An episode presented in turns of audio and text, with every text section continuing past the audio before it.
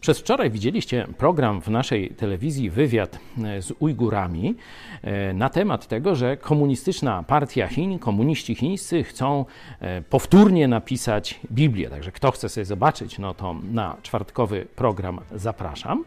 A ja chcę Wam pokazać, że ta próba, można powiedzieć, unieważnienia Biblii, zmienienia coś w niej, przepisania na nowo, żeby sens był kompletnie inny, ona nie pochodzi z komunizmu. Ona pochodzi już wcześniej z y, czasu faryzeuszy.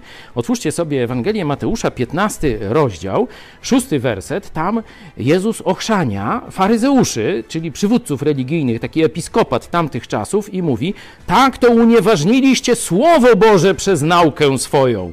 I jeszcze dodaje dziadom, Obłudnicy! Dobrze prorokował o was Izajasz w słowach. Lud ten czci mnie wargami, ale serce ich daleko jest ode mnie. Daremnie mi jednak cześć oddają, głosząc nauki, które są nakazami ludzkimi.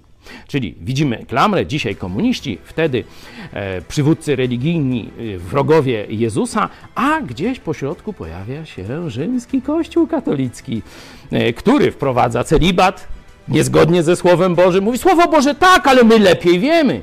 A potem wręcz sobie przyznaje, nieomylność w sprawach wiary i wyższość nad Słowem Bożym. Że on lepiej wie, o co Bogu chodzi, a nie sama Biblia, nie samo Słowo Boże. Otwórzcie sobie katechizm katolicki i zobaczcie, że nad Słowem Bożym jest urząd Kościoła katolickiego. Komuniści, faryzeusze, przywódcy religijni rzymscy. Kontra Jezus. Kogo wybierasz?